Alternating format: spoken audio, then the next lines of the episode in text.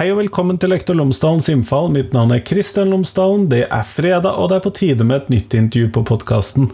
Denne gangen så er det Ole Martin Moen som kommer på podkasten, og han kommer for å snakke om skolens omsorgssvikt.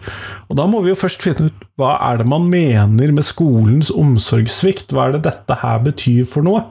Hva kan det bety? Hva innebærer det? Har skolen et så stort omsorgsansvar at det faktisk kan være snakk om omsorgssvikt? Dette er det som er temaet for eh, dagens episode. Og dette er jo basert på en artikkel han først hadde skrevet i Skolens mening, men jaggu, før jeg rakk å intervjue han om det, så hadde han gitt ut boken Skolens omsorgssvikt, så det er tema for episoden. Ellers, podkasten Lektor Lomsdalens innfall er sponset av Fagbokforlaget, og visste du at Fagbokforlaget har gitt ut en ny metodebok om forskningsoversikter? Når du skal skrive en bacheloroppgave, masteroppgave eller kanskje til og med en doktorgradsavhandling, så sitter du der med utrolig mye informasjon, bare spør meg om det, og du skal finne ut hva som er viktig for deg, da trenger du denne boka. Og Boka den heter Forskningsoversikter i utdanningsvitenskap, og de anbefaler den til alle studenter på lærerutdanningene og innenfor andre pedagogiske fag. Og Fagbokforlaget sponser denne podkasten fordi at de tenker at jeg tar opp viktige temaer som angår skole og lærerutdanning, og de mistenker at du også gjør det, at du bryr deg om skole og lærerutdanning, og hvordan ny forskning kan påvirke og forbedre praksis i skolen. Så jeg mistenker at de har rett. Men nå skal du få høre intervjuet med Ole Martin Moen. Vær så god.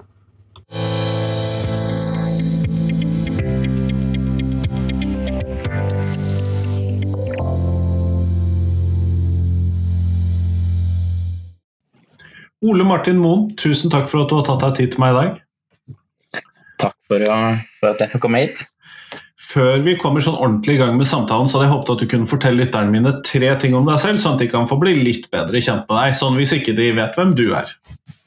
Nei, litt, eh, litt om meg selv. Uh, akkurat i dag så føler jeg meg litt som en bekymret katteeier.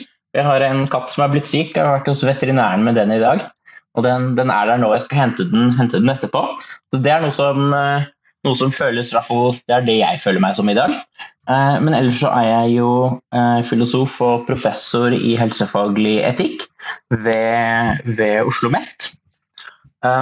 Og nummer tre jeg er akkurat ferdig med å, med å lage en, en podkast som heter Ole Martin og Einar leser Bibelen, sammen med filosofkollega Einar Duenger Bøhn.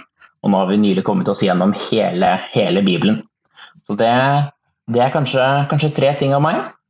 Og der, jeg skal bare nevne det, Den podkasten anbefales for alle som er med, litt interessert i religion, eller kunne tenke seg å lære litt mer om Bibelen. Ja, vi, er begge, vi er begge fagfilosofer. Ingen av oss er kristne. Men vi diskuterer oss da gjennom, gjennom hele Bibelen. Og Det har vel blitt 46 eller 47 episoder, tror jeg. Men det har vært utrolig lærerikt å gjøre. Veldig liksom dannelsesreise. Og, og, og komme seg gjennom og liksom tygge alt sammen litt, litt godt med en god kollega. Og så er det jo litt rart, for vi snakker jo litt om dette nå, men det er jo en av dine andre produkter som vi skal bruke tiden litt på i dag. Fordi at vi avtalte et intervju om en artikkel du skrev i boken 'Skolens mening' om skolens omsorgssvikt. Og det, du klarte visst ikke å la det temaet ligge, så nå har det kommet en bok.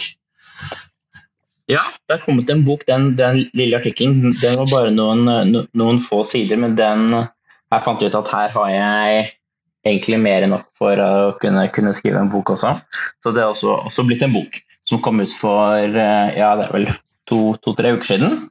Uh, uh, fra hvordan vi fra nå Nå snakker vi vel i, i begynner vi å slutten av april. Den kommer i begynnelsen av april 2023. Og heter altså 'Skolens omsorgssvikt'. Og kom ut på Cappelen Dam Akademisk. Så den, den er nylig, nylig ute og selger relativt greit.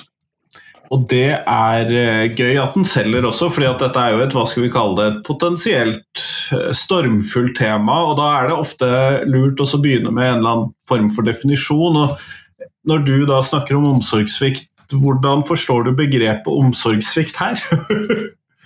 ja, jeg, jeg kan, kanskje jeg kan, kan jeg svare litt indirekte på det, og, og komme, komme, litt frem til hvorfor jeg begynte å tenke på omsorgssvikt-vokabular i det hele tatt, for å snakke om skolen.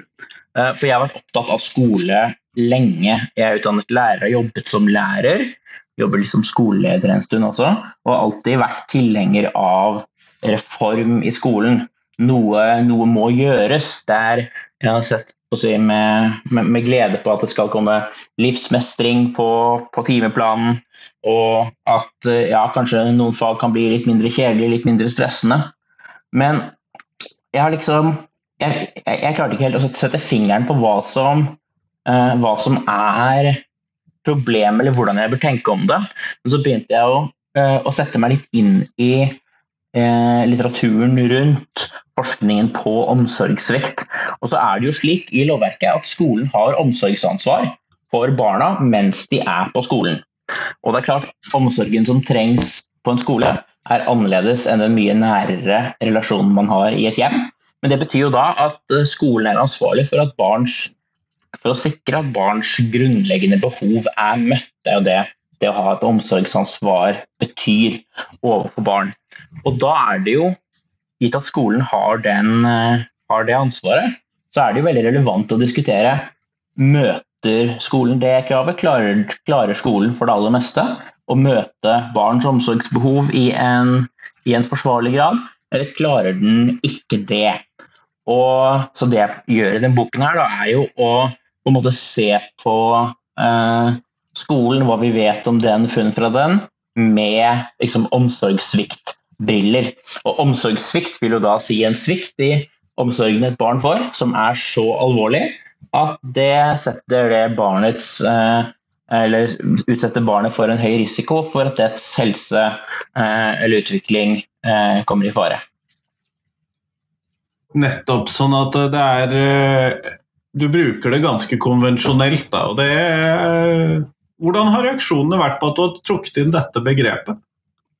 Nei, det er eh, jeg, jeg, har fått ganske mange tilbakemeldinger på at ja, dette er en måte å tenke på det som, eh, som løser opp i en del ting. Som plasserer ansvar på en, kanskje en litt annen måte enn hva man, hva man er vant til. Eh, så jeg, har møtt egentlig, egentlig, bare positive tilbakemeldinger på det. Men det er klart man må jo spørre seg, sånn som jeg var litt inne på også, at, at, det er jo en annen omsorg som kreves fra, eh, fra skolen sin side. Eh, men det, det, har man jo tatt høyde for i omsorgsforskningen også. Man snakker jo om omsorg, eh, altså såkalt offentlig omsorgssvikt, eventuelt på, på barnevernsinstitusjoner, flyktningmottak eh, osv. Men det er slående at, at man aldri anvender si, omsorg og omsorgssviktstenkningen på barns hverdag i skolen. Det, er, det, det, finnes det ingen litteratur på. Eh, det er på en måte to, to felt. altså Du har barnevern, sosialt arbeid på én side, og så har du skolefelt og pedagogikk og, på den andre siden. Men det er, eh, det er, det er er, så, så, vidt jeg har kunnet klart å finne, så er det ingen som har vurdert skolen som en omsorgsarena på den måten. Og da må det jo sies at omsorg betyr ikke eh, på å si eh, eh, dulling og trøsting, som man kanskje skulle tro. Eller en måte å forstå ordet omsorg på er jo det. Men det betyr å sikre at barns behov er møtt. At deres eh, emosjonelle sosiale behov, deres beskyttelsesbehov og deres ernæringsbehov deres læringsbehov, ikke minst, som skolen jo er rettet inn mot. Eh, og ikke minst at barn stilles krav til. Eh, det er en del av å yte god omsorg også. Og gi tydelige rammer og, sikre, og, og stille krav. Det er det ingen tvil om heller i, i forskningslitteraturen om, om hva slags omsorg barn trenger. Men hvilke symptomer er det du da ser på denne formen for omsorgssvikt når du ser på skolen både bredt og nært og dypt og smalt. ja, altså når man skal diskutere omsorgssvikt, så skiller man gjerne mellom, mellom to hovedtyper. Eh, forsømmelse og mishandling. Eh, forsømmelse betyr at det er eh, noe man burde ha gjort, men som man lar være å gjøre. Kanskje barn ikke får maten de, maten de, de trenger, kanskje de ikke får klærne de trenger, kanskje de ikke får den, den emosjonelle støtten de trenger. Så på én side forsømmelse, på motsatt side mishandling. Som er å aktivt gjøre noe som skader barn. Eh, så det kan godt være at man har gode intensjoner, Kanskje man tror at uh, noen ting er bra for barn, men man påfører dem likevel betydelig skade med det man gjør. Da er det å regne som mishandling. Og jeg spør jo da egentlig utsetter skolen er det, er det en risiko for at skolen utsetter barn for, for forsømmelse og, og, eller mishandling. Og jeg konkluderer jo med at det det er, grunner til å tro at skolen får ganske mange barn gjør, uh, gjør, gjør, begge deler. Uh, for det er et, en grunnutfordring, da. vi kan komme inn på symptombildet og sånn også, men det er en ganske grunnleggende utfordring at så mye av de voksnes tid i skolen er satt av til å skulle undervise i skolefagene. Og, og dermed skulle møte barns læringsbehov. Altså Man skal forberede undervisning, gjennomføre undervisning, man har etterarbeid, man har vurdering. Det tar opp veldig veldig mye av ens tid.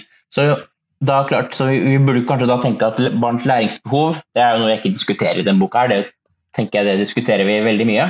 Men det er jo rart, gitt skolens omsorgsansvar, og at man har vokst til å bli så mye mer omfattende i barns liv i løpet av de siste 100-150 årene som den har, at vi fortsatt vier så overveldende mye av tiden og oppmerksomheten til det ene av barns behov, på bekostning av de andre. Og da er det selvfølgelig mange lærere, ildsjeler der ute, som gjør masse for, eh, for, for, barna sine. Som hjelper til med å eh, smøre en matpakke hvis det trengs, og som ja, eh, hjelper til på alle, eh, alle mulige fronter. Men det er noe ved systemet jeg mener som er, som er veldig problematisk ved at det er satt av veldig lite tid, veldig lite ressurser til å møte barns behov utover behovet for skolefaglig læring. Men hvis vi da hvis jeg skal komme med noen kritiske kommentarer, da blir ikke dette på mange måter Eller jeg tror at en sånn tanke om omsorgssvikt og mishandling og den typen ting innenfor en sånn ramme vil oppfattes som hva skal vi kalle det, kritikk av lærerne som profesjon, eller lærerne som Eh, yrkesutøvere, eller til og med enkeltlærere. Altså at dette vil oppleves som en kritikk av yrkesutøvelsen vår. Uh, ja, Blir ikke det på mange måter å rette bake for, eh, for smed hvis, jeg, hvis den antakelsen er riktig, da? Um, det er veldig trist hvis det er slik den boken og det jeg sier, oppfattes. Og jeg, jeg intenderer det, det virkelig ikke slik. Jeg mener at det er et systemproblem ved skolen. Og eh, systemproblemer kan ofte ikke løses eh, på eh, bare på enkelt, enkeltnivå.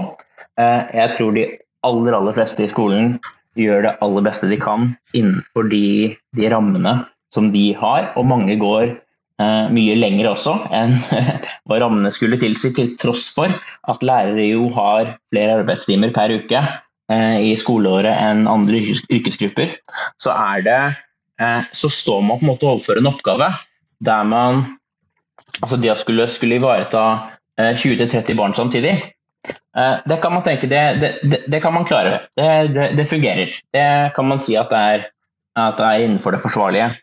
Men når all den tiden skal brukes til å eh, gi skolefaglig undervisning, eh, og å skulle eh, eh, vurdere og skulle gjøre dette med det som underkommuniseres litt, gjøre dette med tvang. Eh, man høres litt rebelsk ut å si det, men eh, barn er jo ikke på skolen eller stort sett ikke, Mange er ikke på skolen frivillig, de skulle gjerne vært et annet sted.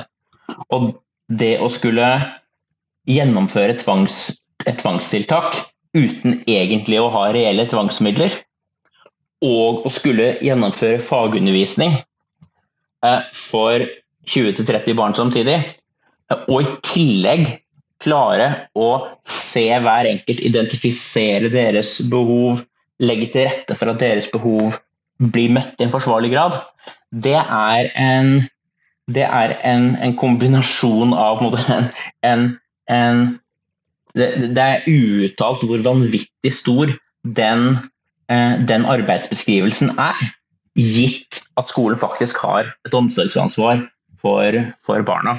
Så eh, all heder og ære til lærere som, som får til å kombinere alt dette, dette samtidig.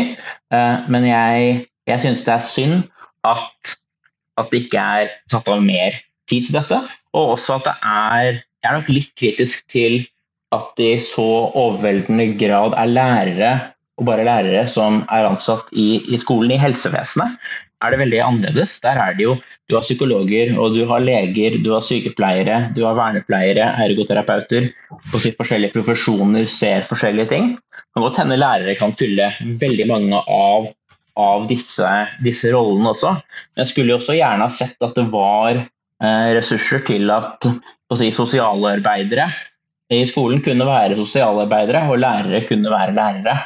Eh, og at man ikke, ikke skal trenge å være både, både lærer og sosialarbeider og barnevernspedagog og vekter og dommer og alt sammen samtidig. For det gjør jo at eh, jeg tror mange lærere er redde for å miste kontrollen for at eh, Og opplever nok ved høy grad av stress at, at klassen blir en litt sånn masse som skal liksom kontrolleres og si, holdes orden på. Vi kaller det til og med klasseledelse.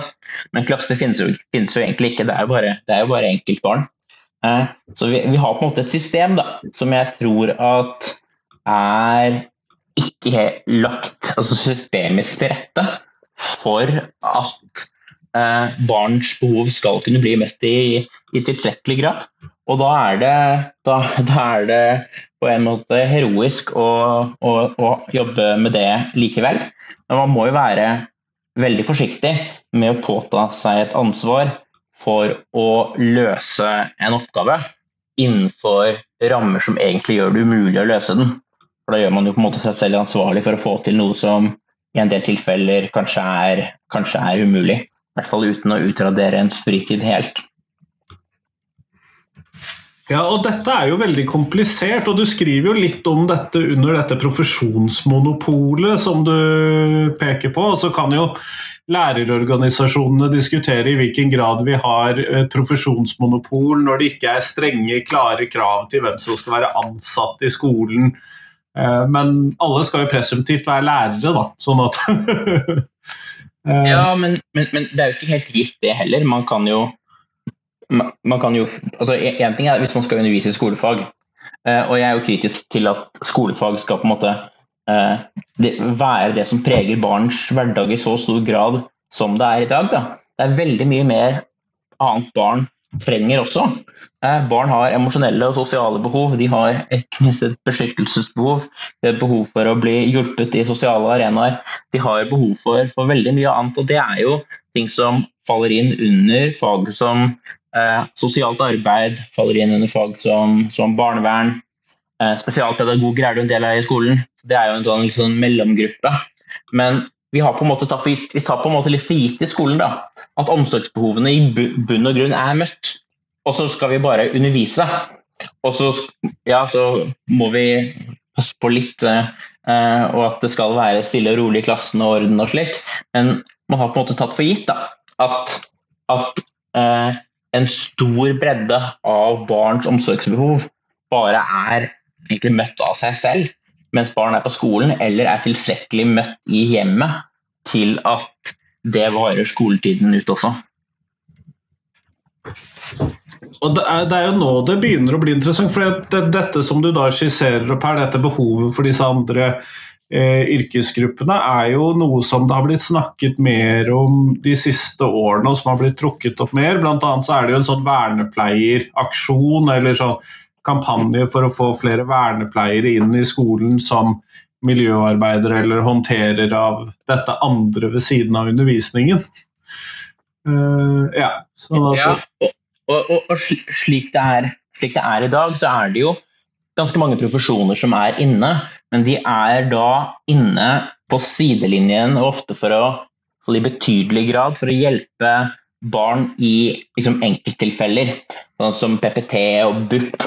Eh, de, måte, der er det, er det eh, psykologer og psykiatere og forskjellig som skal hjelpe barn enkeltvis med å håndtere, eh, håndtere hverdagen i skolen. Men jeg mener jo at det er jo ikke, det er jo ikke sånn det bør være. Eh, det er jo slik at når man skal utforme et offentlig tiltak, som er det skolen er, så må det eh, tiltaket utformes på bakgrunn av eh, det vi har av kunnskap om barns behov og hvordan barns miljøer trenger å være for at barn skal, skal ha det bra og gå inn i, komme, kom, komme støtt inn i voksenlivet. Og, så da trenger vi jo å samle kunnskap ikke bare fra pedagogikkfaget, men vi trenger fra hele, hele, rekken av fag som jobber med barn, diskutere hvordan bør utformingen i utgangspunktet være. Eh, det er på en måte en diskusjon vi ikke har hatt. Eh, jeg skjønner veldig godt at skolen bare handlet om skolefag da den var eh, tre- eller femårig på 1800-tallet, og den ofte bare var annenhver dag. Så skjønner jeg veldig godt at man brukte det på Da er det skolefag, liksom. Men nå har jo skolen vokst og vokst og vokst og blitt på en måte barns hverdagsliv gjennom mesteparten av, av, barndommen. Og da kan vi ikke bare ta for gitt lenger at det som er til barns beste, er at dagene skal være utformet eh, slik som de er. Eh, med skolefag, skolefag, skolefag. Og med veldig lite voksne ressurser til å sikre at deres øvrige behov er møtt i, i skoletiden. Er, vi, vi, trenger å samle et kunnskapsgrunnlag. og Her er egentlig FNs barnekonvensjon veldig grei å ha. også, og FNs barnekomité sier veldig tydelig også at ikke sant, offentlige tiltak som angår barn skal være Der skal barns beste være et grunnleggende behov. Eh, et grunnleggende, et, uh, grunnleggende hva kaller det, hensyn.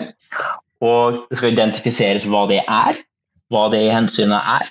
Og, eh, eh, og man trenger bredt, brede faglige innspill for å identifisere eh, hva som faktisk vil utgjøre det å, at, at tiltak er til barns beste.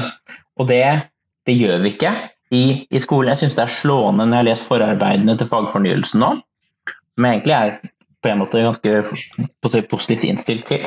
Men uh, der er det ikke gjort noe. Så jeg, jeg har søkt i alle dokumentene der etter barns beste-vurderinger. Jeg har ikke funnet en eneste barns beste-vurdering. Eh, det er slående for et tiltak som i så overveldende grad angår barns hverdag, som jo er det, er det skolen er. Og det er jo interessant at det mangler den typen vurderinger inn i dette. og for eksempel, da, forslaget til ny opplæringslov, det er jo 800 sider med hva skal vi kalle det, steder hvor man kunne puttet inn den typen vurderinger? Ja, det er det jo. Nå vet ikke jeg, er det et forslag til ny opplæringslov, men i hvert fall slik eh, loven er per i dag, så tenker jeg at veldig mye av det eh, de endringene som jeg tror trengs i skolen, eh, krever ikke lovendring. Og krever egentlig ikke noe større budsjett i sin helhet til skolen heller. Eh, det opplæringsloven sier om hvordan, eh, hvordan, skoledagen skal være, eller hvordan skolen skal være, egentlig ganske fine, store ord. Eh, det er, Opplæringsloven er, gir noen ganske vage, men ja, noe spesifisering, men den sier ikke så veldig mye. Opplæringsloven syns jeg egentlig er ganske, er ganske fin. og så er det den overordnede delen av læreplanen. Den syns jeg også er ganske fin. Så det er jo egentlig fag- og timefordelingen som er det jeg liksom stusser litt på. At vi vier så mye plass akkurat bare til skolefag, og det kan nesten ikke bli for mye, ikke bli for mye av det. Eh, ser det ut som man, man, noen ganger tenker. Og så jeg, jeg eh, tenker det er altså Hovedutgiften i, i, skolen som nesten overalt ellers er jo lønn til de ansatte. Og da er det spørsmål bare hvordan er det den tiden er på en måte allokert, da, som man kaller det. Hva er det den er satt av til? Skal den i så stor grad som i dag være satt av til å, eh, til, å eh, til skolefag og til arbeidet rundt det? Eller burde, burde, man si at i hvert fall en tredjedel av den burde være satt av til å sikre at barns eh, øvrige behov er møtt i tiden mens de er på skolen? Eh, jeg tror ikke det. Det ser i hvert fall for meg ut til å være noe som faktisk bare krever forskriftsendring eh, for at man skal kunne få det til. Så det er jo i teorien veldig enkelt. Man trenger et kunnskapsgrunnlag, men, men loven, slik den ser ut, gjeldende lov, synes å være, å være i hvert fall ut fra min vurdering, helt, helt fin. Det er jo og det store problemet der med å gjøre den typen endringer vil jo ofte være det at eh, alle vil ta ting ut av skolen, bare ikke sine ting. Alle har vi jo disse her eh, drømmetingene, hjertebarna våre i skolen, og det å skulle gi rom for disse 30% med eh, hva skal vi kalle det, fokus på det sosiale og det barnets beste inn i en sånn sammenheng, vil jo innebære at man må droppe noe av de tingene som skal læres bort. Altså, jeg vil si for det første at hvis, hvis, barns grunnleggende behov ikke er møtt, så vil, de, så vil det være veldig vanskelig å lære. Uh, da er det fryktelig vanskelig å ta til seg læring hvis du, hvis du er uh, redd, hvis du er uh, deprimert, hvis du har store sosiale problemer der du er. Hvis det er et voldspreget miljø du er i, så er det forferdelig vanskelig å lære. Så det er nå én ting. Og det andre er at eh, vi kan ikke egentlig la barn og unges hverdag bli eh, utformet som et resultat av en på en måte eh, eh krangling om hvilke si, fag og hvilke mål er det som skal være viktig. Skal, eh, altså man, man må, vi kan, vi kan, godt ha en intern si, lærefaglig diskusjon eh, om Eh, altså skal, skal andre verdenskrig nevnes som sådan i læreplanen, eller skal det bare stå sentrale konflikter i det, det 20. århundret? Den slags diskusjoner kan vi, kan vi, godt ha. Men diskusjonen om hvor mye av barns hverdag i skolen som skal være satt av til skolefag, det er ikke en, en, si, en, en lærerfaglig eller en pedagogikkfaglig vurdering alene. Det er noe som eh, vi trenger kunnskap fra hele feltet av skolefag, eller av, av, fag som har med barn og unges hverdag og behov og trivsel å gjøre. Og så må man fatte en avgjørelse om at ok, kanskje vi kan sette av eh, 66 av tiden til skolefag. Jeg tenker Det, er, det er, mye, men, men, la oss si det. Eh, så, så, så, så, er det andre fag som arbeider med dette, og vi trenger kunnskapen fra dem. Og så får de som er lærere, jeg er også lærer, da får vi ha våre kamper om hvordan, eh, hvordan det skal se, se, ut innenfor den delen av den tidsandelen av barn og unges hverdag som eh, si, vi og vårt fag rår over. Jeg hører noen krangler, men jeg mistenker jo også at eh, det du peker på, gitt at hvis, hvis vi kjøper da dette med at det er et eh, mishandling, det er en forsømmelse, det er omsorgssvikt fra systemets side i skolen, så jo, sier det seg jo kanskje selv at dette er noe vi er nødt til å følge opp, og da kanskje på den måten du skisserer. Ja, vi, vi, kan ikke, vi, vi kan jo ikke være si, bekjent med og ikke gjøre noe med dersom det er slik at skolen utsetter, utsetter barn for omsorgssvikt. Eh, det har voldsomt negative konsekvenser for barn der og da, og for deres utvikling videre i livet, for deres muligheter til å forme eh, tillitsfulle relasjoner til andre mennesker, til å kontrollere egne følelser, kontrollere sinne. Altså, dette har ganske store konsekvenser både for enkeltmennesker og for samfunn hvis man over tid blir stående og er tvunget til å være i en arena som er skadelig for en. Og som man jo må være i for å få tilgang til mange gode senere i livet, slik man slik man, man, har det i dag. Og det må man jo stå i eh, og klare å gjøre, uavhengig av om forholdene på, på skolen der man er, eh, og tilstanden der er slik at det faktisk er mulig for deg å klare å gjøre disse tingene. Så Det er en, en sånn ting ved skolen som jeg synes er litt sånn, eh, kanskje litt sånn skummelt overordnet trekk, som er at vi er at de, de, positive tingene som skjer, de tilskriver vi skolen som system. Mens de negative tingene som skjer, de tilskriver vi enkeltpersoner. Eh, da er det en enkeltperson, et, et, barn i skolen eller en voksen i skolen, som på en måte har feilet seg. En veldig asymmetri, syns jeg. eh, Hvor vi på en måte tenker at skolen er bra, og det å være på skolen hele tiden er jo bra.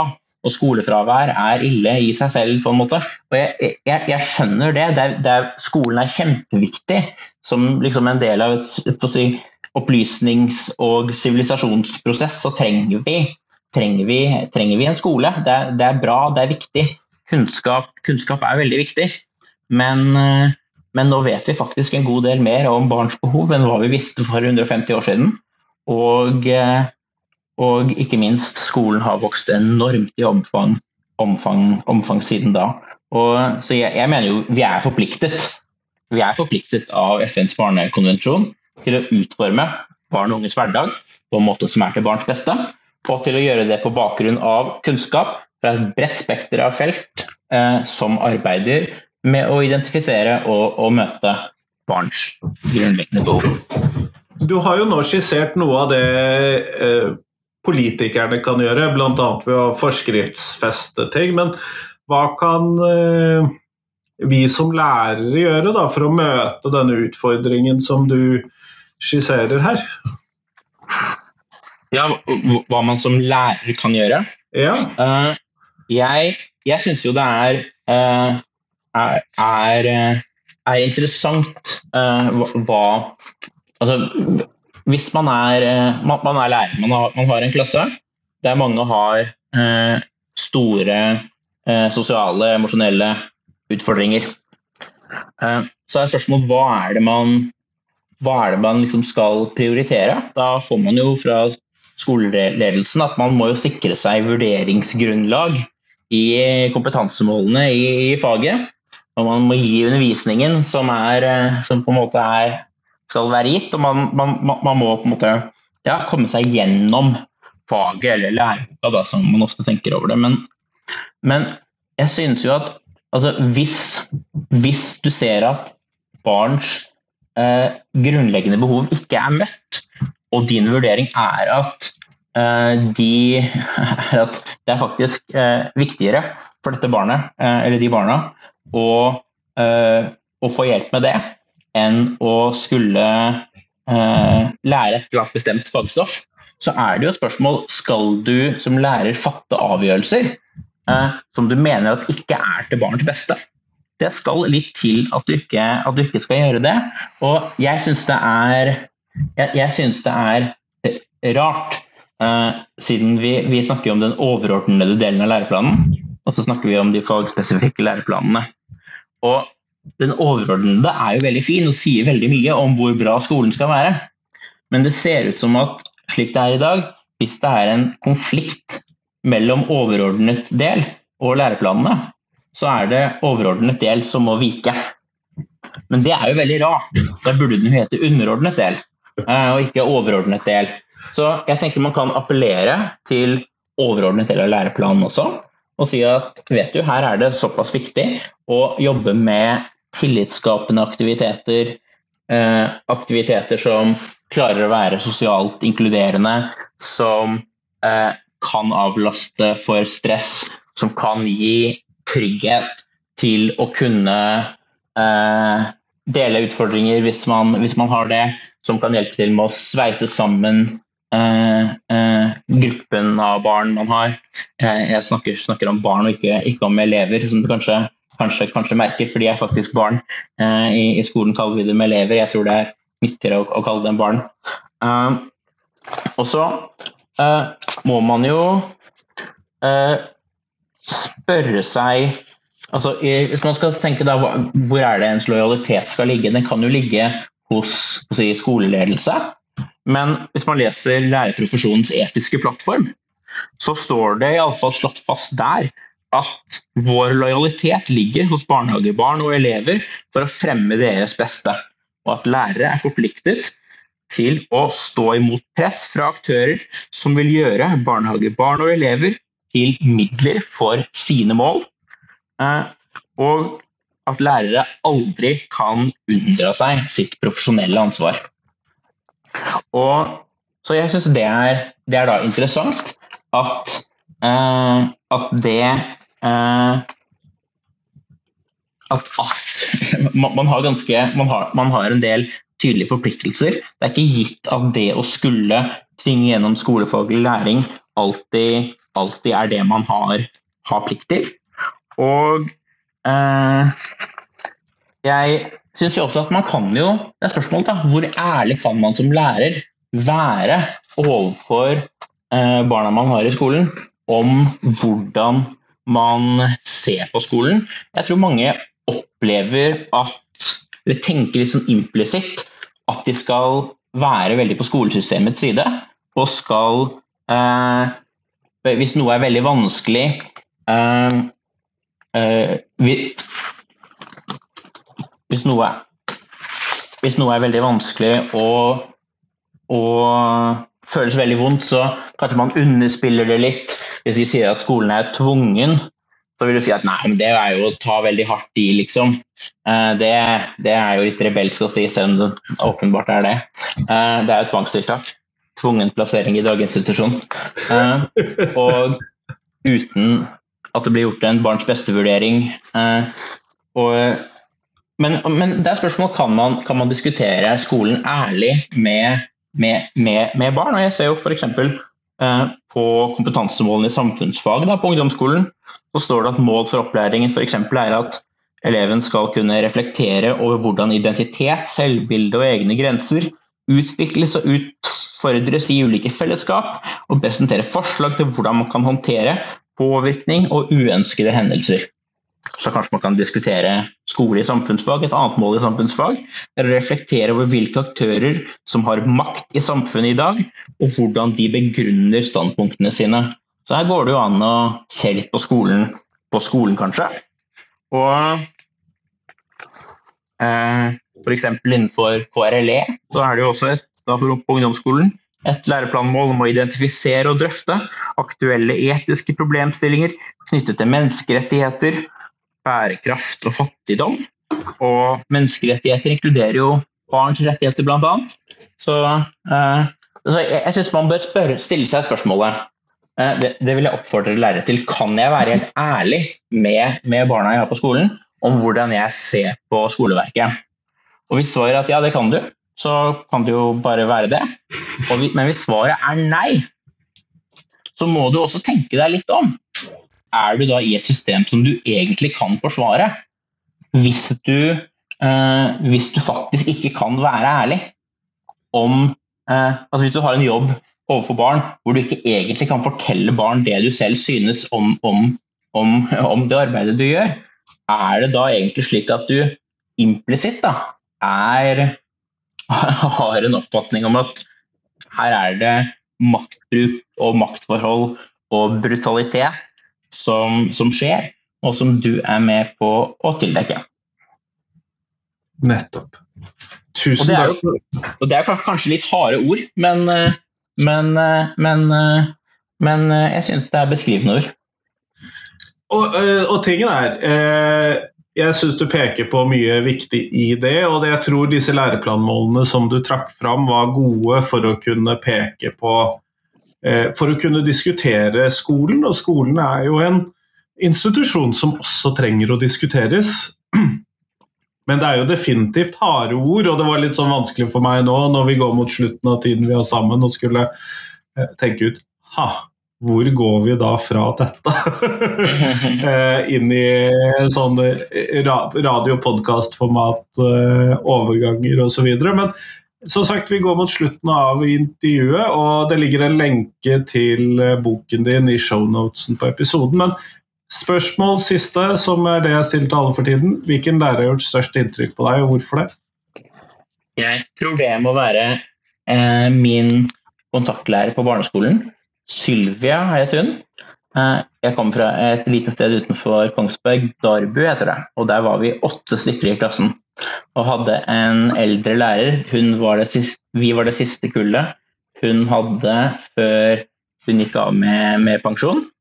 Det var et veldig hyggelig, veldig trygt og veldig inkluderende miljø som jeg husker veldig godt.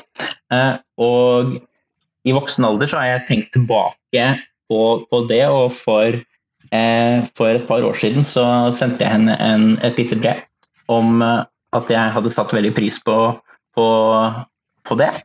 Og det, det, håper jeg at hun fikk lest, for bare to måneder senere så, så døde hun.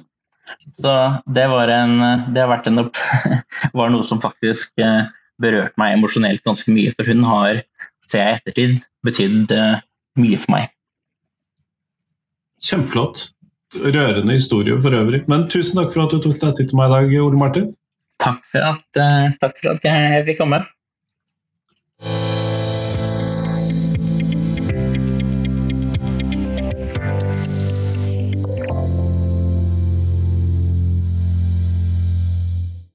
Tusen takk til Ole Martin, og tusen takk til deg som har hørt på. Nå er det fram til tirsdag, så kommer det en ny episode på podkasten min, og da handler det om skole-hjem-samarbeid, så det tror jeg blir bra. Ellers, podkasten trenger som alltid tips, jeg skal jo holde det gående gjennom hele sommeren med nye episoder. Denne podkasten følger ikke skoleruta, for å si det sånn. Det hadde nok min kone likt, men det gjør vi ikke. Sånn at eh, nå så skal vi sørge for å få nytt innhold for hele sommeren. Så da må du sende meg tips. Ellers, podkasten fyller 500 episoder søndags 14. mai.